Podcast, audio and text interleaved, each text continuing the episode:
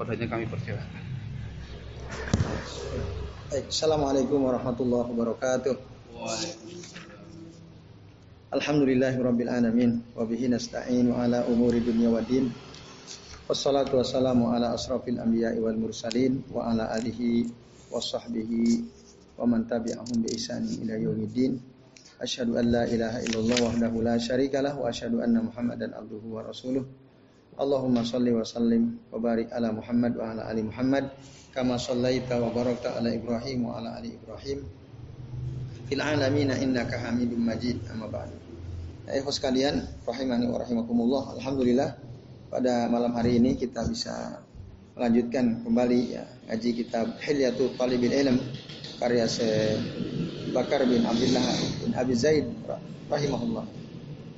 Dan malam ini insya Allah kita akan menuntaskan kitab ya, Hilyatul Talibil Ilm. Pada pertemuan sebelumnya kita sudah membahas sampai halaman 108. Sekarang kita akan membahas dua bab terakhir ya, bab ke-65 dan ke-66.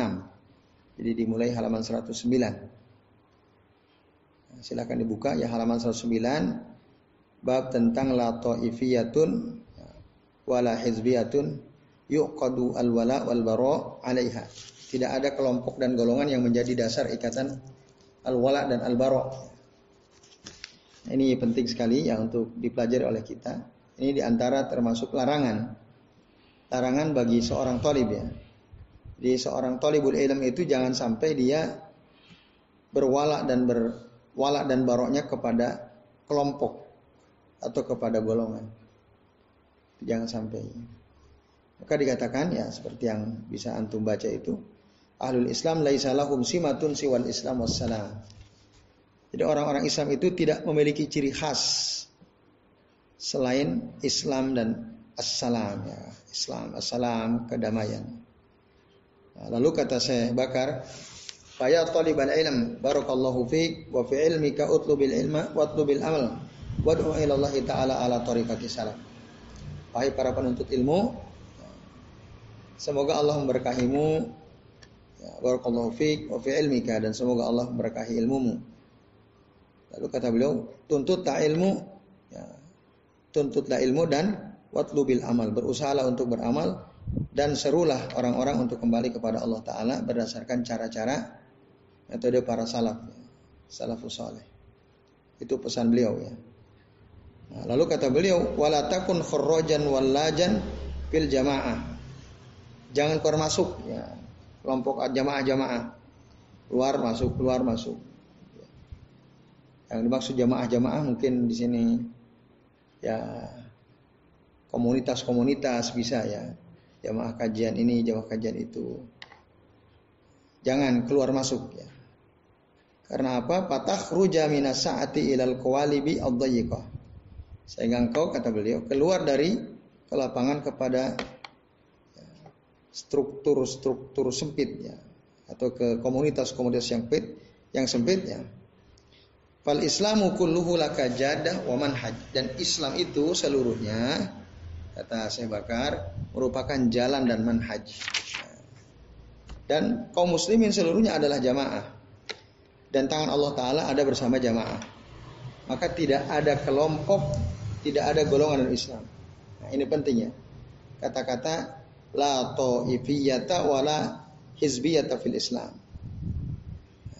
Jadi tidak ada kelompok, tidak ada golongan dalam Islam. Ya. Jadi jangan sampai kita ini terkooptasi ya oleh golongan-golongan atau sekte-sekte, kelompok-kelompok tertentu. Itu kata Syekh Bakar ya.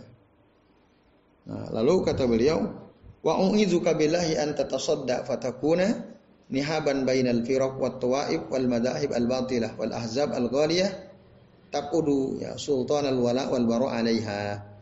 Nah, ini. Ya, aku memohon kepada Allah perlindungan ini kalian dari terpecah belah. Sehingga kalian menjadi mangsa ya firqah-firqah itu kata beliau ya. Fatakuna nihaban bainal firq wat tawaif dan golongan-golongan serta madhab-madhab yang batil Nah, termasuk ya, sekte-sekte yang ekstrim yang menjadi landasan ikatan wala dan barok. Jadi jangan sampai wala dan barok kita ini kepada kelompok-kelompok. Tahu wala? Wala tahu ya? Al itu berlepas diri, wala itu loyal. Loyal kepada kelompok tertentu lalu melepaskan diri kepada dari kelompok yang lain. Nah, itu jangan sampai landasan wala dan barok itu adalah hizb adalah firqah. Yang mana itu banyak terjadi di tengah-tengah masyarakat kan banyak yang terjadi. Ada orang sangat loyal kepada kelompoknya, kepada komunitasnya. Tapi dia berlepas diri dari kelompok lain atau komunitas lain yang sebenarnya kelompok dan komunitasnya itu berdasarkan ilmu. Sementara kelompoknya dia, komunitas dia tidak berdasarkan ilmu. Tapi karena sudah kadung terikat oleh kelompoknya, Akhirnya wala dan baronya itu berdasarkan kelompok itu. Wah saya kalau bukan dari kelompok saya nggak mau. Gitu. Harus dari kelompok saya. Nah ini ini namanya wala dan baro ya. Oh saya kalau dari kelompok dia nggak mau deh. Saya akan ya. Saya berlepas diri. Saya nggak ikut nggak mau gitu.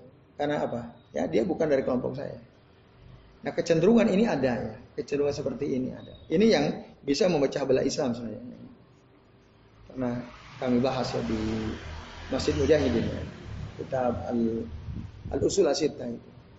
Jadi di antara penyakit yang bisa memecah belah umat Islam itu adalah tadi sikap fanatik terhadap kelompok, terhadap golongan.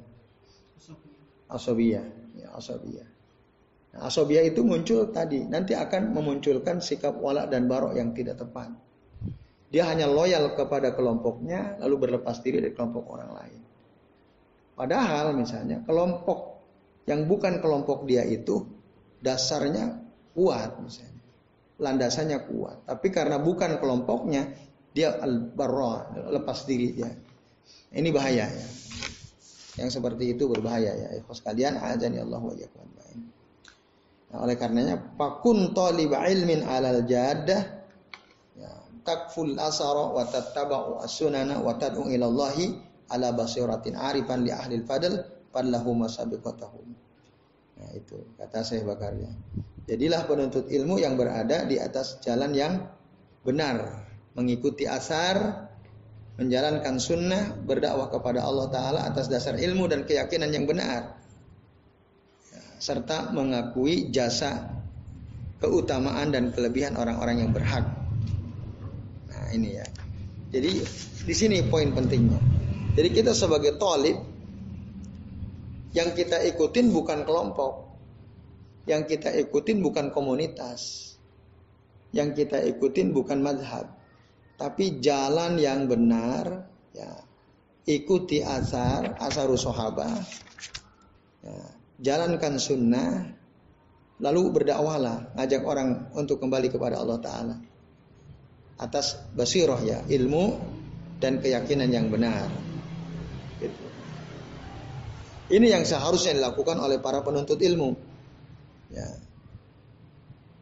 Nah, tapi tadi ya banyak ya para penuntut ilmu dia melakukan wala dan baroknya berdasarkan kelompok. Dan itu muncul karena sikap fanatisme. Nah, ini agak susah memang di ini ya. Diantisipasi kecuali barangkali sudah ngaji kitab ini ya. Kitab ini. Nah, itu ya sekalian uh, kecuali ke, nah, maka yang harus diikuti itu sesungguhnya adalah kebenaran asar sunnah.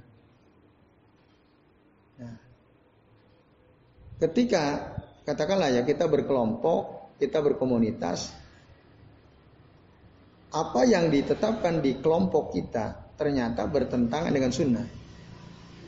Apakah kita akan tetap loyal? Harusnya baro berlepas diri. Oh maaf, saya lepas diri ya. Kalau apa yang diputuskan oleh komunitas kita, kelompok kita begini, saya enggak deh. Nah, saya enggak ikut-ikutan. Harusnya begitu. Tapi kalau benar, oke. Okay. Karena ada dalil ya, ada dasar, oke, okay, saya dukung. Tapi bukan atas nama kelompok. Atas nama dalil. Nah itu.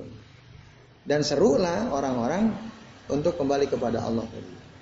Nah ini ya kata saya Bakar bin Abdullah bin Abi Zaid ya. Nah, kemudian di bagian akhir pada paragraf ini beliau katakan akuilah ya. Jadi basiron uh, tad'u ila Allah ala basiratin arifan li ahli al-fadl fadlahum wa sabiqatahum. Nah, kita disuruh oleh beliau untuk mengakui jasa ya, para pendahulu, keutamaan para pendahulu ya. Orang-orang yang berhak ya untuk di di diapresiasi ya, diakui jasanya. Itu jangan sampai ya tadi kan orang cenderung karena terkooptasi oleh kelompok dan golongannya, orang-orang yang sebenarnya punya keutamaan, punya jasa, itu akan dianggap remeh gara-gara mereka tidak sekelompok dengan dirinya, tidak satu komunitas ya dengan dirinya. Nah, ini nggak benar sikap seperti itu dilarang ya bagi seorang talib. Nah, itu ikhlas kalian adzani Allah wa Nah, terus kata saya bakar wa innal hizbiyata zatal musarat wal qawalib al mustahdasa allati lam ya'ada as-salaf as-salafu min a'zami al awaiki anil ilm. Nah, sesungguhnya ya, sikap bergolongan-golongan, berkelompok-kelompok itu kata saya Bakar ya, yang berlandaskan pada aliran pemikiran atau struktur bid'ah yang tidak pernah dikenal ya oleh para salaf merupakan salah satu hambatan ilmu yang paling besar. Itu disebut min a'dhamil awaiki anil ilm. Jadi hambatan-hambatan ilmu paling besar. Maksudnya orang kalau sudah teroptasi oleh komunitas, oleh ormas, oleh kelompok, dia akan terhalangi ya, dari mendapatkan ilmu. Itu itu kenapa disebut fanatik kelompok itu atau wala dan terhadap kelompok min al awaid.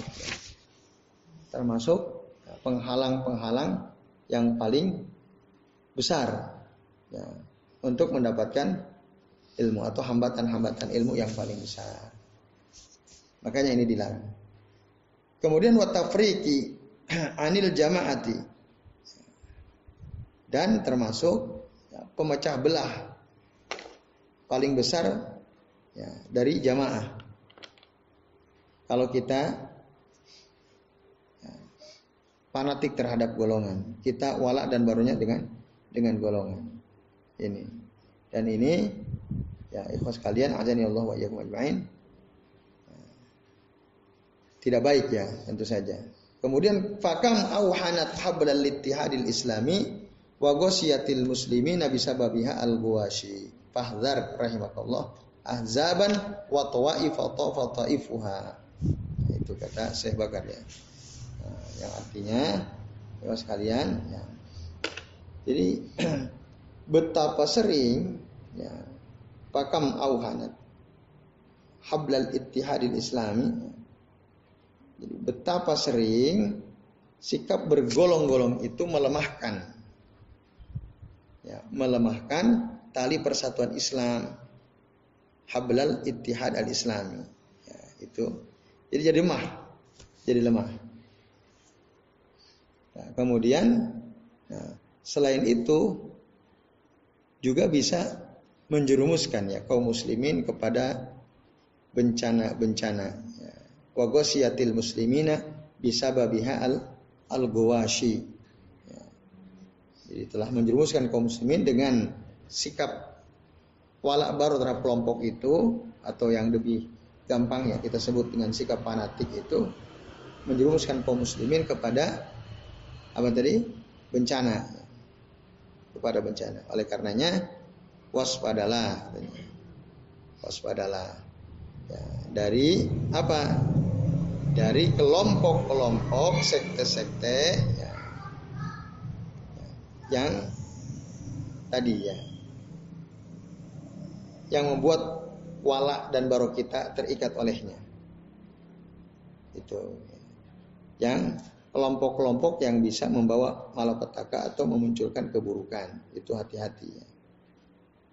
Dan ini belum pernah terjadi pada masa salat terdahulu. Itu. Kemudian wadanya wana jama bisyarri najimuha fama hiya illa mayazi bi tajma'ul ma'a kadara. Tajma'ul ma'a kadara. Nah, jadi tuhan sekalian azan ya Allah wa iyyakum ajma'in. Kelompok-kelompok itu ibarat talang.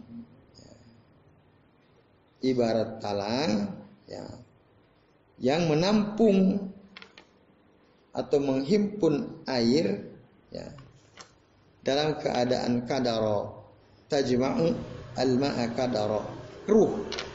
Wa tufarriqu hadaro nah, dan membuangnya secara sia-sia. Illa man rahimahu rabbuka kecuali yang dirahmati oleh Tuhanmu. Fasara ala misli makana alaihi an-nabi sallam wa ashabuhu. Nah maka orang yang dirahmati oleh Allah Subhanahu wa taala mereka akan berpedoman kepada apa yang diajarkan oleh Nabi dan para sahabat. Nah ini ya, jadi intinya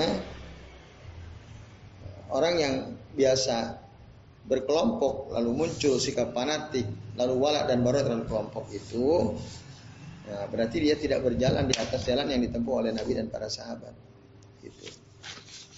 ini poin penting yang perlu diperhatikan kemudian kata Ibnu Qayyim al Jauziyah orang yang tentang tanda orang-orang yang sungguh-sungguh dalam beribadah ya. Kata Ibnu Qayyim, "Walam yunsabu ila ismin aw lam yastahiru bi ismin yu'rafuna bihi inda nasi minal asma'i allati sarat a'laman li ahli tariq." Mereka itu tidak menisbatkan kepada satu nama tertentu. Ya, kata Ibnu Qayyim. Tidak menisbatkan diri kepada satu nama tertentu mereka memang tidak dikenal, tidak masyhur gitu ya. Tidak dikenal dan tidak populer di tengah-tengah manusia. Dengan nama-nama ya, uh, minal asma allati sorot a'laman di ahli tarik. Dengan nama-nama yang dengan nama itu maka menjadi tanda ya. Menjadi tanda uh, li ahli tarik ya. Li ahli tarik itu maksudnya uh, para penganut aliran ya ahli torik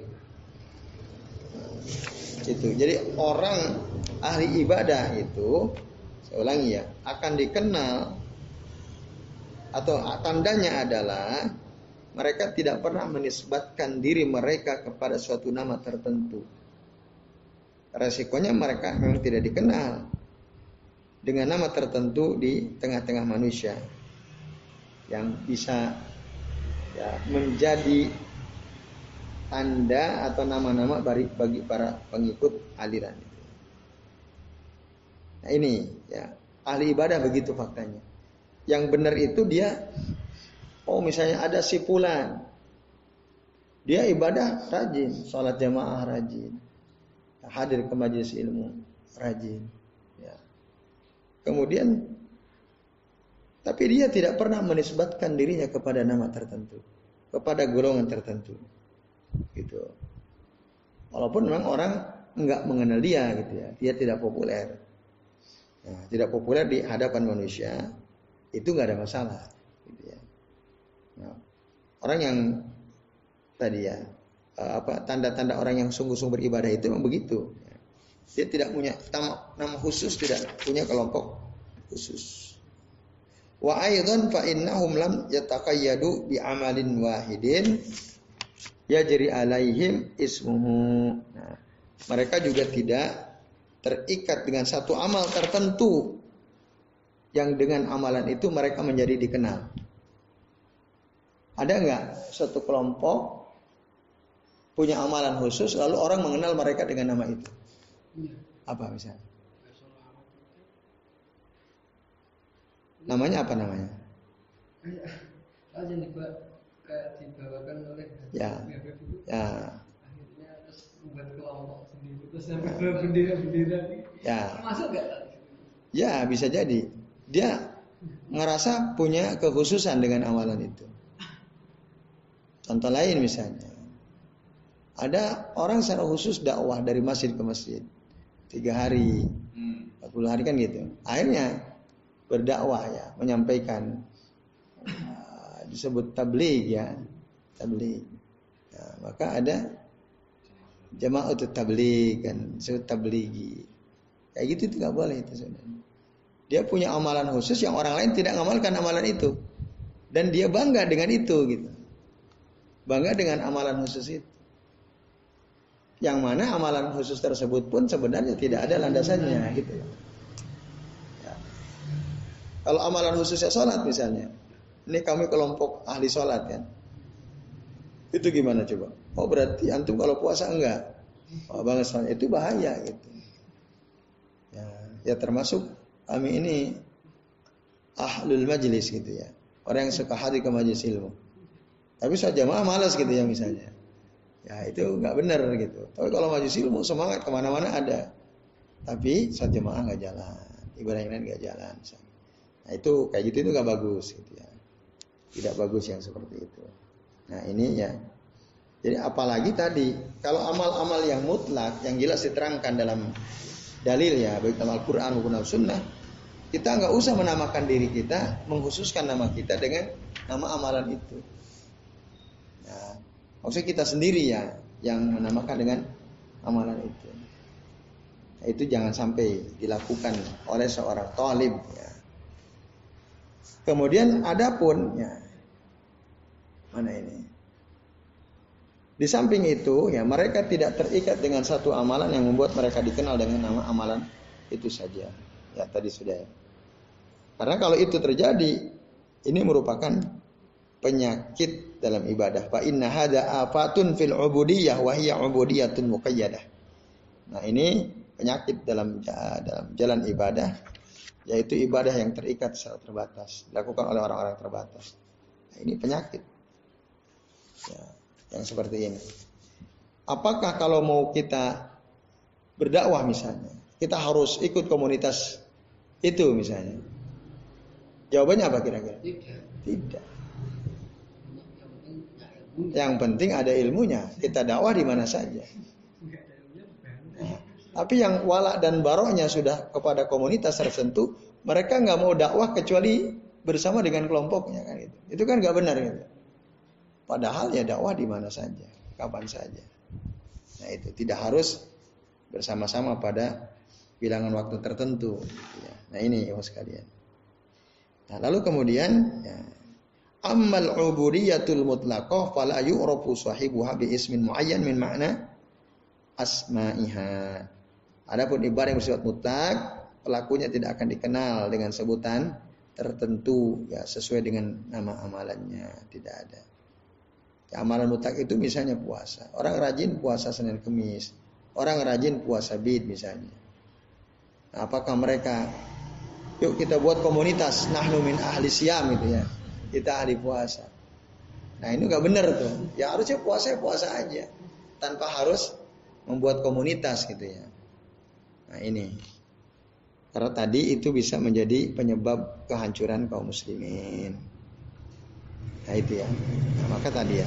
Nah, kemudian ia selalu menyambut dorongan ibadah dengan berbagai jenis yang berbeda.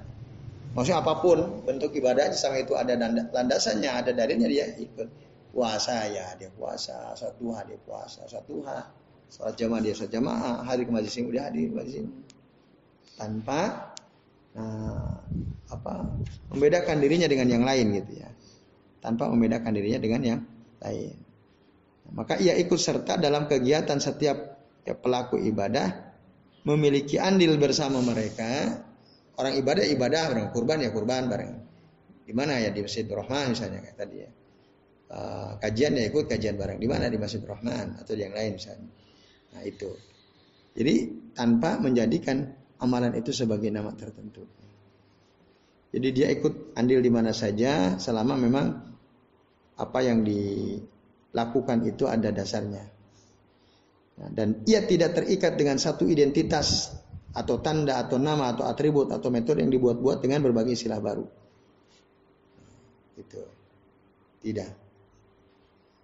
Tapi ya, ya sekalian adzan ya Allah wa. Ya.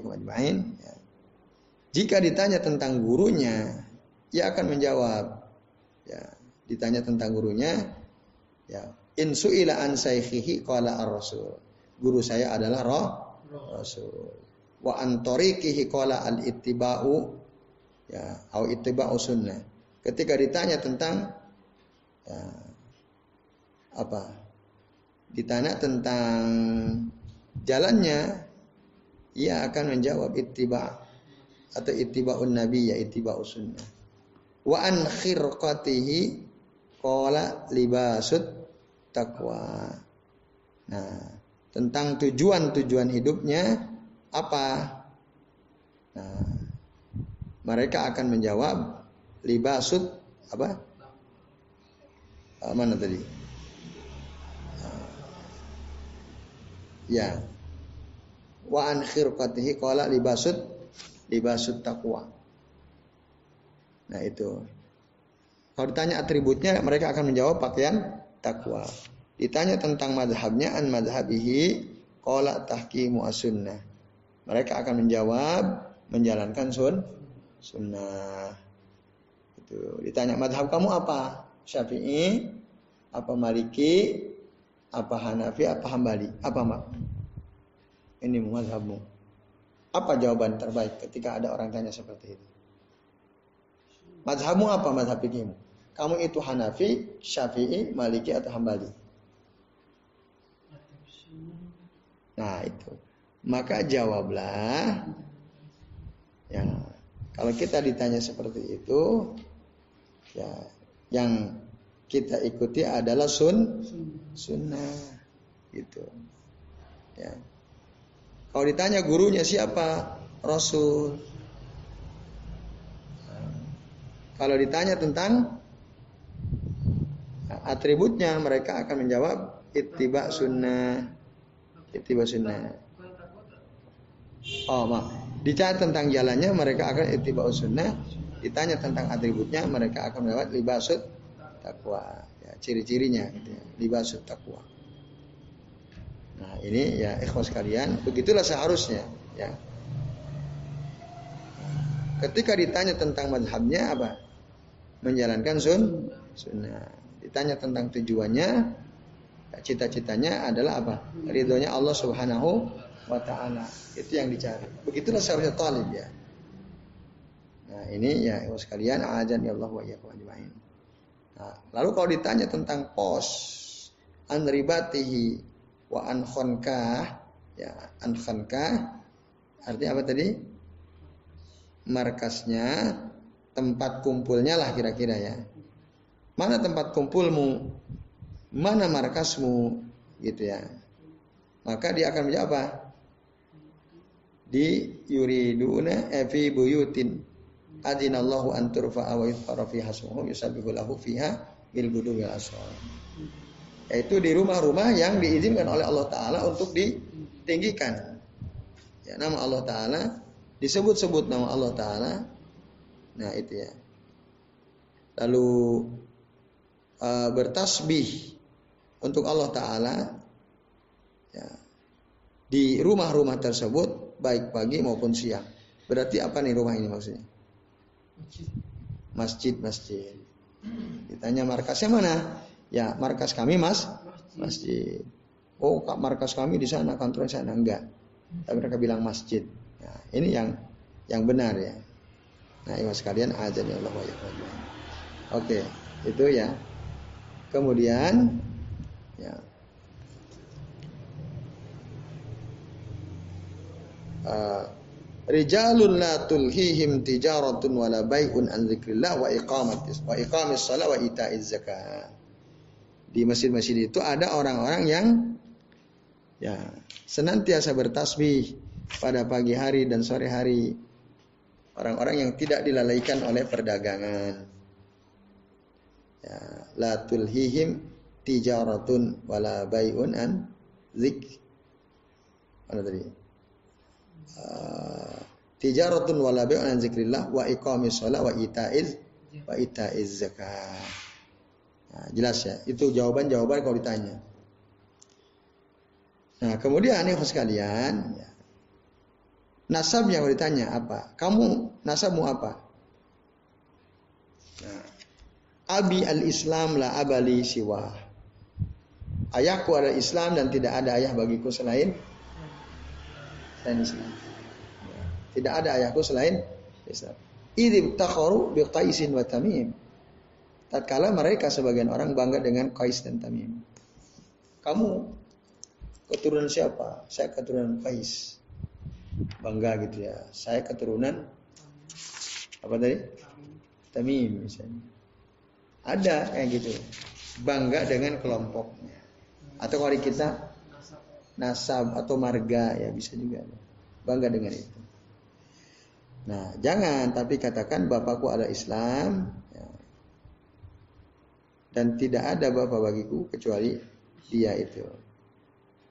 Nah, di mana sebagian orang justru mereka berbangga-bangga dengan nama nenek moyangnya ya, Qais atau Tamim. Itu jelas ya. Nah, kalau ditanya tentang di mana makan, di mana minum,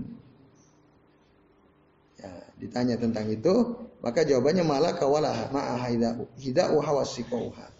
Taridul ma watar asyajar hatta talqau rabbaha. Kalau ditanya makan gimana? Apa urusanmu dengannya gitu ya?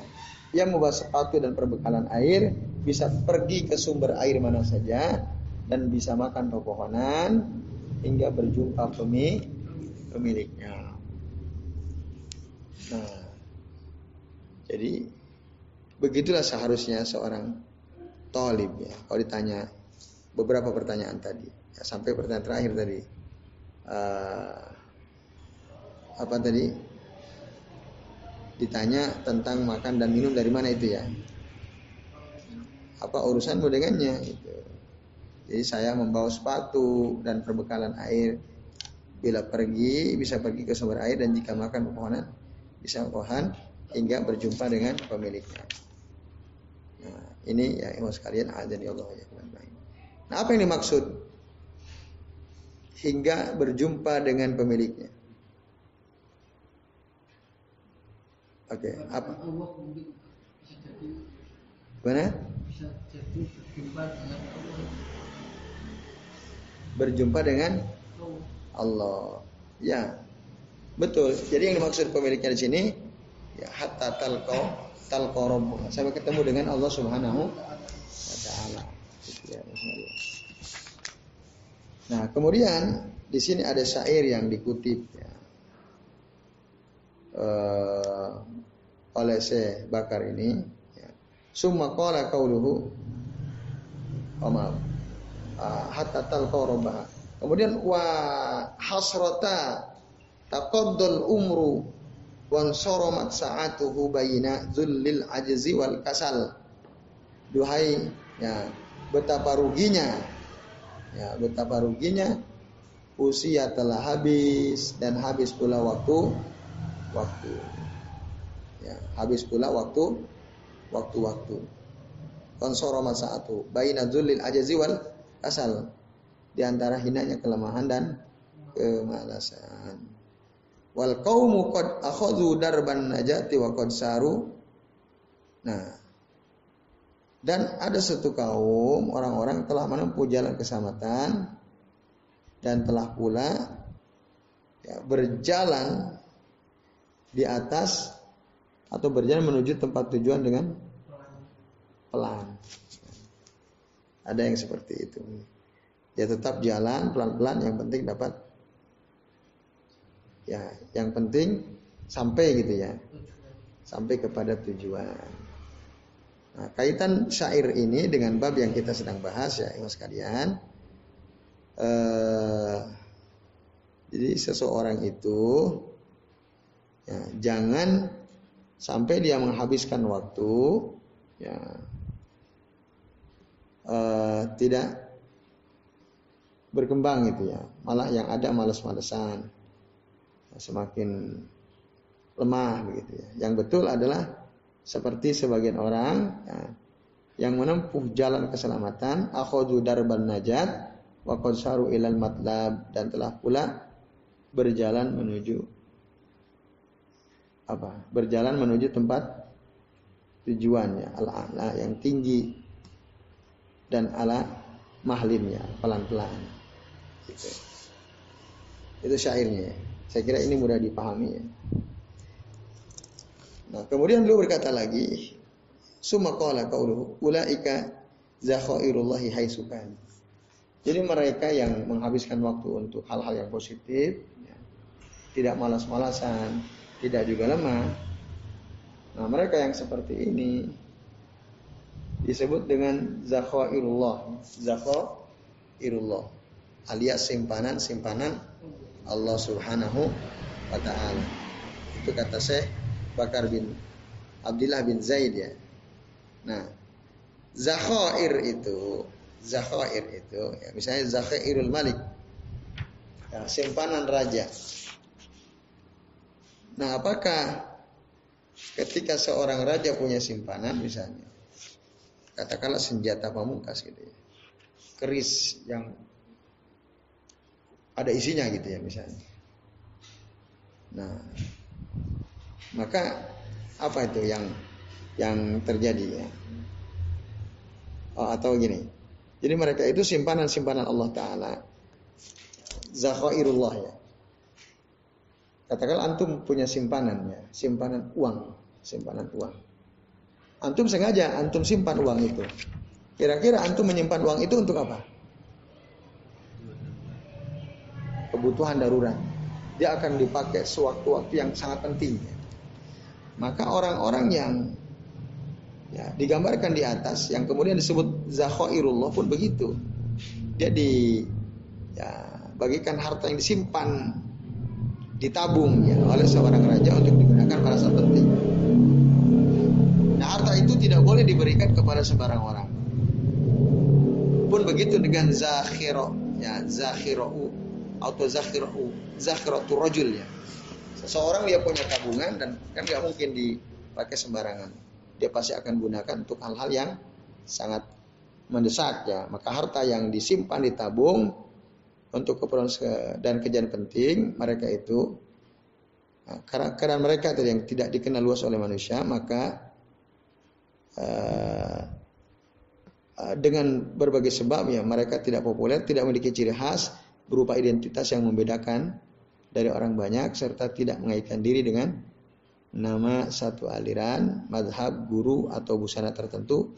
Mereka itu pun seperti tabungan-tabungan Allah yang disimpan tersembunyi. Nah, ini saya kira ini ya. Jadi uh, orang yang tidak ya, memiliki ciri khas identitas, ya, sehingga membuat dia berbeda gitu dari orang banyak. Itu ya. Dia tidak mau mengaitkan dirinya dengan nama satu aliran madhab guru dan busana tertentu. Nah, itu yang dimaksud tabungan. Dia bagikan tabungan-tabungan Allah Ta'ala yang Allah simpan tersembunyi. Zakhairullah ya, zakhairullah. Ada nggak orang dia punya ciri khas tertentu? Kalau dakwah soal pakai baju putih, terus seperti ini, ada nggak? Ada ya. Nah, dia dia ingin membangun kesan bahwa namanya simpulan ini pasti begini. Nah itu nggak boleh juga. Maka ada yang mengkritik juga tuh sahabatnya ya. Sahabat simpulan yang biasa kalau seperti ini itu dulu guru kami beliau nggak pernah punya ciri khas pakaian nggak ada peci apa yang ada itu dipakai. Pakaian begitu juga. Tidak selalu yang warna khusus tidak ada. Nah itu. Jadi nggak perlu mengidentifikasi diri secara spesifik yang membedakan dia dengan yang lain. Itu tidak tidak perlu. Seorang toli jangan sampai berbuat seperti itu. Itu intinya. Ya, ya sekalian azan ya Allah wa nah itu nanti mereka yang tidak apa Eh, mengidentifikasi diri secara khusus itu yang disebut simpanan Allah Subhanahu wa taala. Zakhairullah. Nah, jelas ya saya kira ya. Oke. Kemudian ya ikhwas sekalian azan ya Allah wa iyyakum ajmain. Berikutnya nah, orang yang seperti digambarkan di atas itu adalah manusia yang paling jauh dari penyakit sebab sebab penyakit terjadi disebabkan oleh identitas orang yang melepaskan diri dari identitas tertentu, mengidentifikasi diri dengan identitas tertentu.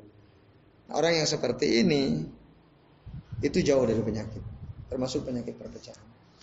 Tapi kalau dia sudah mengidentifikasi dirinya dengan cap tertentu, label tertentu, nah, itu tadi lambat laun itu akan menjadikan dia nah punya identitas, terikat dengan identitas itu. Nah, dan akhirnya ya punya istilah-istilah baru mengikuti kondisi baru yang silih berganti. Nah, inilah yang memutus kebanyakan manusia dari Allah sedangkan mereka tidak merasa. Jadi orang yang punya identitas identitas khusus itu nah, sebenarnya itu dia sedang nah, dikatakan di sini uh, sedang memutus ya. Memutus dari Allah Subhanahu wa taala. Tapi mereka tidak merasa ya. Mereka tidak merasa. Itu maka jangan punya identitas yang apa eksklusif gitu ya. Udah. Tapi kalau ber, berkomunitas boleh nggak? Ya boleh saja sih sebenarnya. Tapi syaratnya jangan fanatik jangan walak dan baronya terikat oleh kelompok tadi ya, oleh identitas yang dibuat itu tadi. Nah kemudian ya sebagian ulama pernah ditanya tentang sunnah. Beliau menjawab mala ismalahu siwa sunnah. Yang tidak memiliki nama sen sunnah. Jadi kita ini uh, sebaiknya memang tidak punya nama anak ahlu sunnah ya, atau ahlu sunnah wal, wal jamaah. Itu saya itu nggak ada karena itulah yang dijamin oleh Rasul akan masuk surga kan gitu ya yang akan selamat. Atau ifa al mansuroh kelompok yang akan ditolong oleh Allah Taala dan uh, al firqa an najiyah ya, kelompok yang selamat. Nah di dunia maupun di akhirat. Jadi ya tidak ada nama selain sunnah gitu. Artinya al sunnah itu tidak memiliki nama tertentu yang menjadi identitas mereka. Nah, kemudian yang sekalian, sebagian orang mengikatkan diri dengan pakaian tertentu yang tidak dipakai oleh orang lain. Ada nggak? Nah, dia punya pakaian tertentu yang itu tidak dipakai oleh orang lain. Ya tadi ciri khas itu. Ya, itu jangan juga kayak gitu. Duduk di tempat tertentu yang tidak diduduki oleh orang lain. Ya, sebagai identitas gitu ya. Itu juga enggak boleh ya. Berjalan dengan cara yang tidak dilakukan oleh orang lain. Mengenakan atribut sikap tertentu yang tidak ditinggalkannya. Ibadah tertentu tidak akan melakukan ibadah lain. Sekalipun nilainya lebih tinggi atau belajar kepada guru tertentu. Nah ini penting. Belajar kepada guru tertentu dan tidak menoleh kepada guru lain sekalipun kedudukannya guru lain itu lebih dekat kepada Allah dan Rasulnya daripada gurunya. Nah itu. Ada nggak orang dia apa uh, hanya mau kepada guru satu guru gitu, guru yang lain nggak mau. Ada nggak kayak gitu? Ada, ada itu nggak boleh gitu. Ya. Uh, jadi jadi bergurulah kepada orang-orang yang sesuai sunnah itu intinya. Sesuai. Jadi patokannya adalah keterikatan kita dengan sunnah, gitu. bukan dengan pribadi ya, ketokohan, person. Gitu. Dan kayak gitu itu banyak ya. ya. Yang seperti itu bah, banyak. Maka kita jangan sampai melakukannya. Kemudian ya kita lanjut lagi ya, kita bahas uh, lebih ringkas ya Nah, maka orang-orang yang tadi membatasi diri itu dengan identitas tertentu, ya hanya berguru dengan satu guru tertentu, misalnya tidak membuka diri untuk berguru kepada yang lain, misalnya, nah, maka mereka semua akan terhalang dan terhambat dari memperoleh tujuan tertinggi. Mereka akan dibelenggu oleh tradisi, identitas, kondisi dan istilah tertentu sehingga tidak bisa memurnikan mutabah. Mutabah itu maksudnya itibak kepada sunnah jadi sekali lagi, ibu sekalian, yang harus kita jadikan ya sebagai pedoman itu adalah ittiba sun sunnah. Udah. Kita berguru kepada siapa saja, ya selama ittiba sunnah itu yang kita berguru kepadanya. Jadi patokannya bukan person tadi ya. Tapi ini kesimpulan ini yang akan kita belajar kepadanya terikat sunnah atau tidak. Oh iya, ya saya berguru padanya. Oh ada simpulan guru lain. Dia juga terikat dengan sunnah, yang diajarkan sunnah. Ya saya berguru juga sama orang itu. Nah. Boleh kita menerima kebenaran itu dari semua orang. Ya. Tapi kalau kita mengambil ilmu atau mencari kebenaran itu hanya tertentu. Nah. Yang sesuai sunnah. Yang sesuai sunnah, betul, betul. kebenaran kita bisa terima dari siapa pun, dari siapa pun. Bahkan ada fitnah. Ah, ah, bahkan Fajir itu ya dari ahli bid'ah sekalipun jika apa yang dikatakan benar kita ambil. Cuman untuk mengambil ilmu, nah harus selektif. harus selektif. Cuma kalau nerima kebenaran dari siapa pun. Cuma kalau ngambil ilmu selektif tadi. Ambillah ilmu dari ahli sunnah bukan ahli bid'ah. Eh, ambil yang baik, yang buang yang Nah, itu eh, kondisional ya. Ah, ya dia ambil yang baiknya, buang yang buruknya. Itu nggak nggak ke. Ya. Ya tidak berlaku kepada semua hal. Ya. Yang yang benar ambil dari siapa pun gitu ya. Cuman kalau kaidah itu diterapkan, ambil yang baiknya, buang yang buruknya. Akhirnya kan dia berguru kepada siapa saja kan. Iya. Hah? Ya, ya berbahaya lah intinya kayak gitu. Ya, akhirnya kita menjadi berguru kepada siapa pun, mau ahli ahlul bid'ah, ahlul sunnah nggak masalah. Yang penting yang baiknya kita ambil, yang buruk kita buang kan. Padahal dia nggak sadar ternyata dia teracuni oleh oleh kebid'ahan dari ahlul bid'ah itu. Nah itu. Tapi kalau kita nggak berguru kepada dia, cuman dia pernah mengatakan sesuatu yang benar, ya kita terima, kita terima. Cuman kita nggak berguru kepada dia, ya. karena dia laisa min ahli sunnah. Gitu. Nah, jadi tapi berguru pun jangan membatasi diri hanya berguru kepada satu guru. Ya bergurulah kepada siapa pun yang min ahli sunnah tadi ya. Dia min ahli sunnah. Gitu. Hah? Ah, ah, poinnya di situ, poin pentingnya di situ ya. Oke, itu ya, kalau sekalian ajan ya Allah ya. Nah, kemudian posisi mereka jauh darinya. Sebagian ya dari mereka beribadah dengan riyadhah khalwat, mengosongkan hati, menganggap ilmu sebagai penghalang dari jalannya. Nah, ini repot lagi ini ya. Jadi ada orang yang khalwat, menyendiri, menjauhi orang-orang, mengosongkan hati ya. Eh, riyadhah itu berzikir lama dengan zikir-zikir khusus gitu ya. Yang kayak gitu itu. Sebagai ciri khas dari mereka.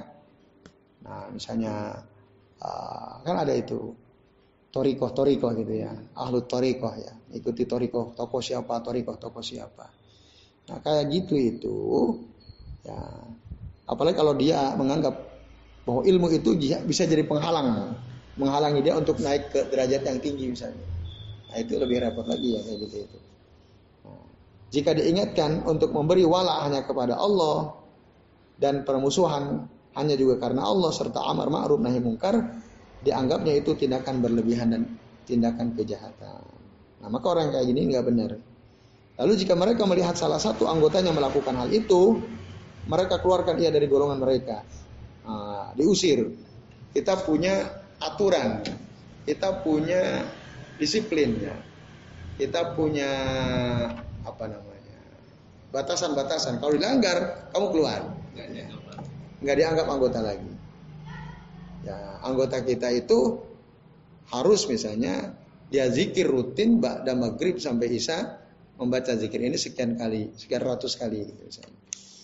Eh kok ketahuan anggotanya pas maghrib isya dia malah nongkrong di angkringan misalnya. Wah ini pelanggaran.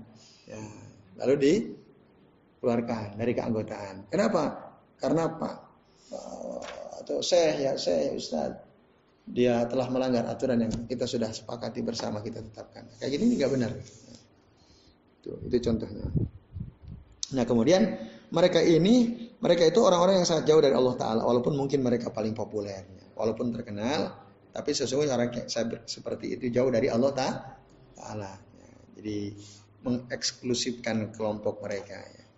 Dan saya kira setiap golongan, setiap kelompok, setiap ormas memang berpotensi ya berpotensi uh, menjadi sebab perpecahan sebenarnya.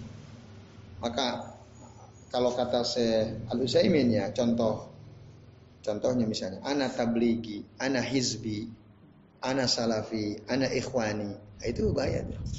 Ana ikhwani berarti saya bagian daripada ikhwanul muslimin. Ana salafi. Itu juga bahaya. Ana salafi. Dia bukan mengikuti. Kita gitu salah, tapi enggak diakui asalkan kita itu sudah otomatis Oh, masuk enggak. itu. Ya. Berarti berarti kata-kata perbedaan itu menyatukan salah gitu. Apa? Perbedaan itu menyatukan salah. Ya salah. Mana mungkin perbedaan bisa menyatukan. Ya. Tapi itu jadi jargon kan. Nah itu. Ah di sana. Ah di Mujahidin. Kan eh, pernah saya tanyakan kalau nggak salah. Bukan satu dulu atau pemurnian dulu itu kan juga Hmm. eh, problem yang besar. Betul. Harusnya dimurnikan dulu. Kalau sudah murni gitu secara akidah, otomatis nanti akan bersatu sendiri sebenarnya. Akan saling tolong menolong. gitu ya. Basisnya adalah akidah yang lurus gitu ya. Sunnah yang murni. Nah itu ya ikhlas kalian adani Allah. Jadi nggak usah melabeli diri sendiri dengan sesuatu kecuali hanya saya muslim udah itu saja. Anak muslim. Jangan tambah udah ada selesai. Termasuk ormas juga potensial loh ormas. Iya. Betul nggak? Iya. Ya minimal kayak apa namanya penetapan Idul Fitri. Ah ya ya. Maka jangan jangan ke ormasnya sebenarnya, tapi ada dasarnya atau tidak itu yang diikuti sebenarnya. Karena kalau udah begitu nanti pecah, memecah belah umat. pasti memecah belah umat. Kemarin kan anak seperti itu. Aku melu karo dia. Nah. Saya udah iki melu karo. Eh, antum jangan bilang gitu. Itu memecah belah umat. Kamu ngikuti itu hisab. Kalau ini ikuti anu apa? Hilal, hilal. Dan kodar kok mereka masuk yang mengikuti itu hilal. Ya lebih baik gunakan istilah itu. Karena bisa diminta pertanggung bukan kamu mau minta enggak. Dalilnya mana? Ya, betul. Nah itu harusnya begitu harusnya. Nah maka kesimpulan akhir ya dari bab yang ke-65 ini adalah jadi tadi jangan mengidentikan diri kita ini dengan kelompok tertentu dengan nama tertentu. Sudah kita ini Islam, kita Muslim, Ya, kita ittiba sunnah, gitu. Udah selesai. Ya jelas ya. Saya kira poin intinya itu poin yang ke-65. Nah yang terakhir ya sekalian kita tuntaskan aja ya. Uh, walaupun udah jam setengah sebelas ini ya. Uh, masih ada kesempatan 8 menit cukup ya. Nah itu. Jadi lalu ya yang membatalkan perhiasan-perhiasan yang dibahas ya di dalam kitab ini, apa kata saya uh, Bakar ya beliau katakan, saudaraku ya ikhwani ya. Semoga Allah melindungiku dan melindungi dirimu dari kesalahan-kesalahan. Jika engkau telah membaca sebagian dari teladan dan adab dalam buku Hilyah Talibil Ilm dan mengetahui sebagian pembatalnya, ketahuilah bahwa faktor perusak rangkaian pengikat perhiasan adab itu adalah nah, beliau menyebutkan ada 10 di sini ya. Jadi yang merusak ya eh, fa'lam anna min a'dhami khawarimi hal mufsidah li nidhami ikdiha ya ia adalah ya jadi faktor perusak rangkaian pengikat ya. perhiasan Adam ini di antaranya adalah ifsa usar atau ifsa usir ya. menyebarkan rahasia orang wanakul kalamin kaumin ila akhar menukil perkataan dari satu kaum kepada kaum lain ya. wal wal wallasana ya. asolfu wallasana itu bangga diri dan banyak berbicara nah poin kedua mungkin perlu dikelirkan ya. Menukil perkataan dari satu kaum kepada kaum lain ini maksudnya memprovokasi ya namimah Nah, namimah itu itu yang bisa menghancurkan perhiasan seorang talib ya. Kemudian banyak bergurau ya, banyak bergurau. Itu yang ya kasratul muzah wa dukhul fi hadisi bainas bainas Nah, masuk atau menyela pembicaraan dua orang ya. Dua orang yang sedang ngobrol diserang gitu ya. Kemudian al-hikdu wal hasad ya, dengki, iri, suudzon ya. Wa mujalasatul mubtadi'ah bergaul dengan ahlul bid'ah, majelis ahlul bid'ah. Wa al ilal maharim melangkah ke tempat-tempat yang haram. Nah, ini semua hati-hati ya bisa dosa-dosa ini yang sebangsanya nah, itu bisa apa? Bisa ya memendekkan langkahmu. Ama bisa merusak. Maka pendekkanlah langkahmu untuk menuju hal-hal yang diharamkan ya. Kalau kamu lakukan itu berarti kamu ini ya ringan agamamu ya tipis agamamu ya. Itu dan berarti kamu itu la'ab ya mugtab namam la'ab itu banyak bersenda gurau mugtab itu banyak mem, apa menggibah mengguncing namam itu banyak mengadu domba orang.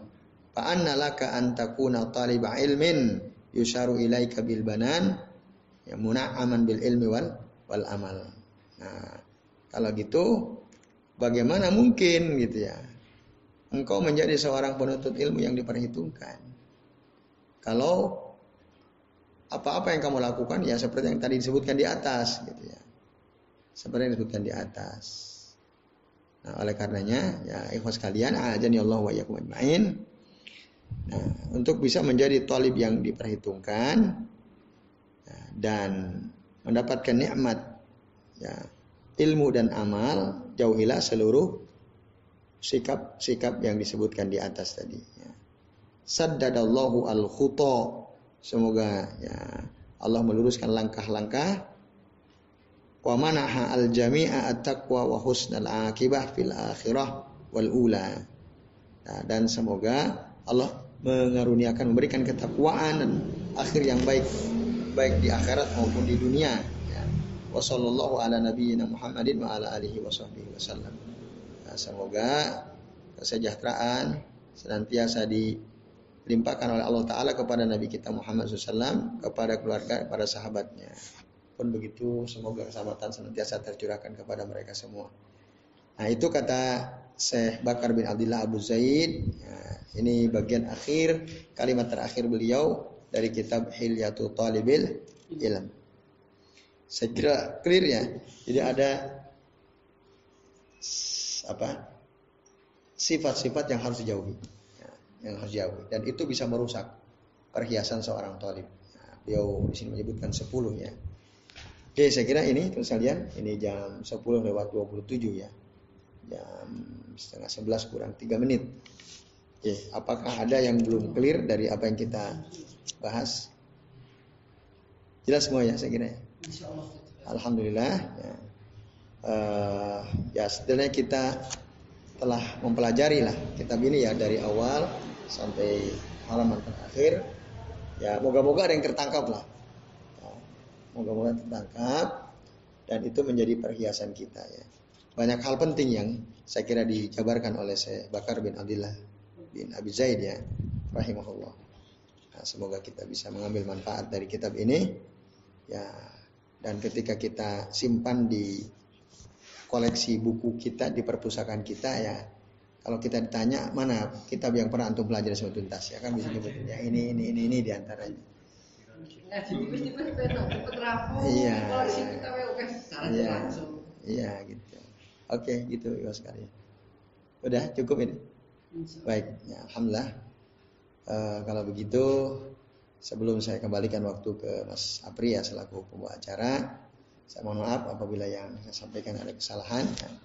Intinya ya kita bersyukur malam ini kita bisa menuntaskan ngaji kitab Hilyatul Talibil Ilm. Ya, semoga Allah senantiasa memberikan ya pahala kepada penulisnya, ya, meninggikan derajat beliau dan orang tuanya, dan semoga ilmu beliau bisa memberikan manfaat kepada kaum muslimin mobil khusus kepada kita ya semua yang alhamdulillah sudah mencicipi ya uh, pembahasan beliau di majelis kita ini. Dan insya Allah pada majelis berikutnya kita akan bahas kitab Tazkiyatun Nufus wa Tarbiyatuha ya. Kama korroha ulama usalaf ya. Itu kitab yang dikumpulkan sebenarnya oleh Syekh Ahmad Farid ya. Syekh Ahmad Farid dari tiga tokoh ya. Imam uh, Ibnu Qayyim Al-Jauziyah, Imam Al Ghazali sama Imam satu lagi siapa? Ya ada tiga tokoh ya. Ada tiga tokoh yang di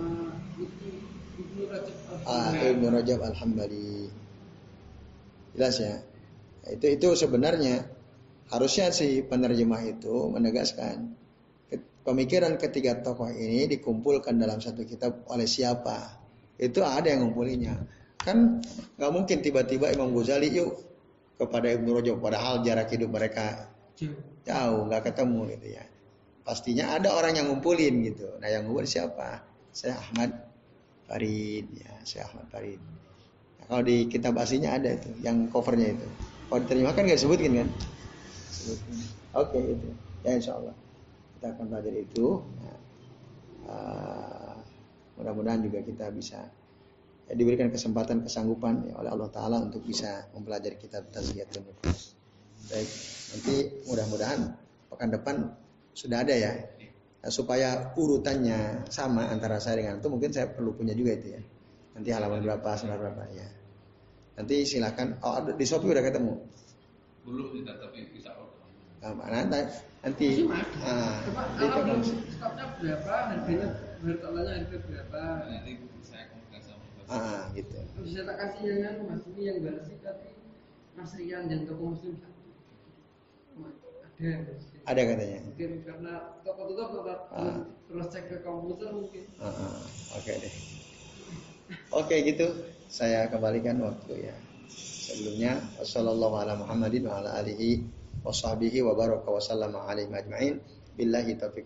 wassalamualaikum warahmatullahi wabarakatuh.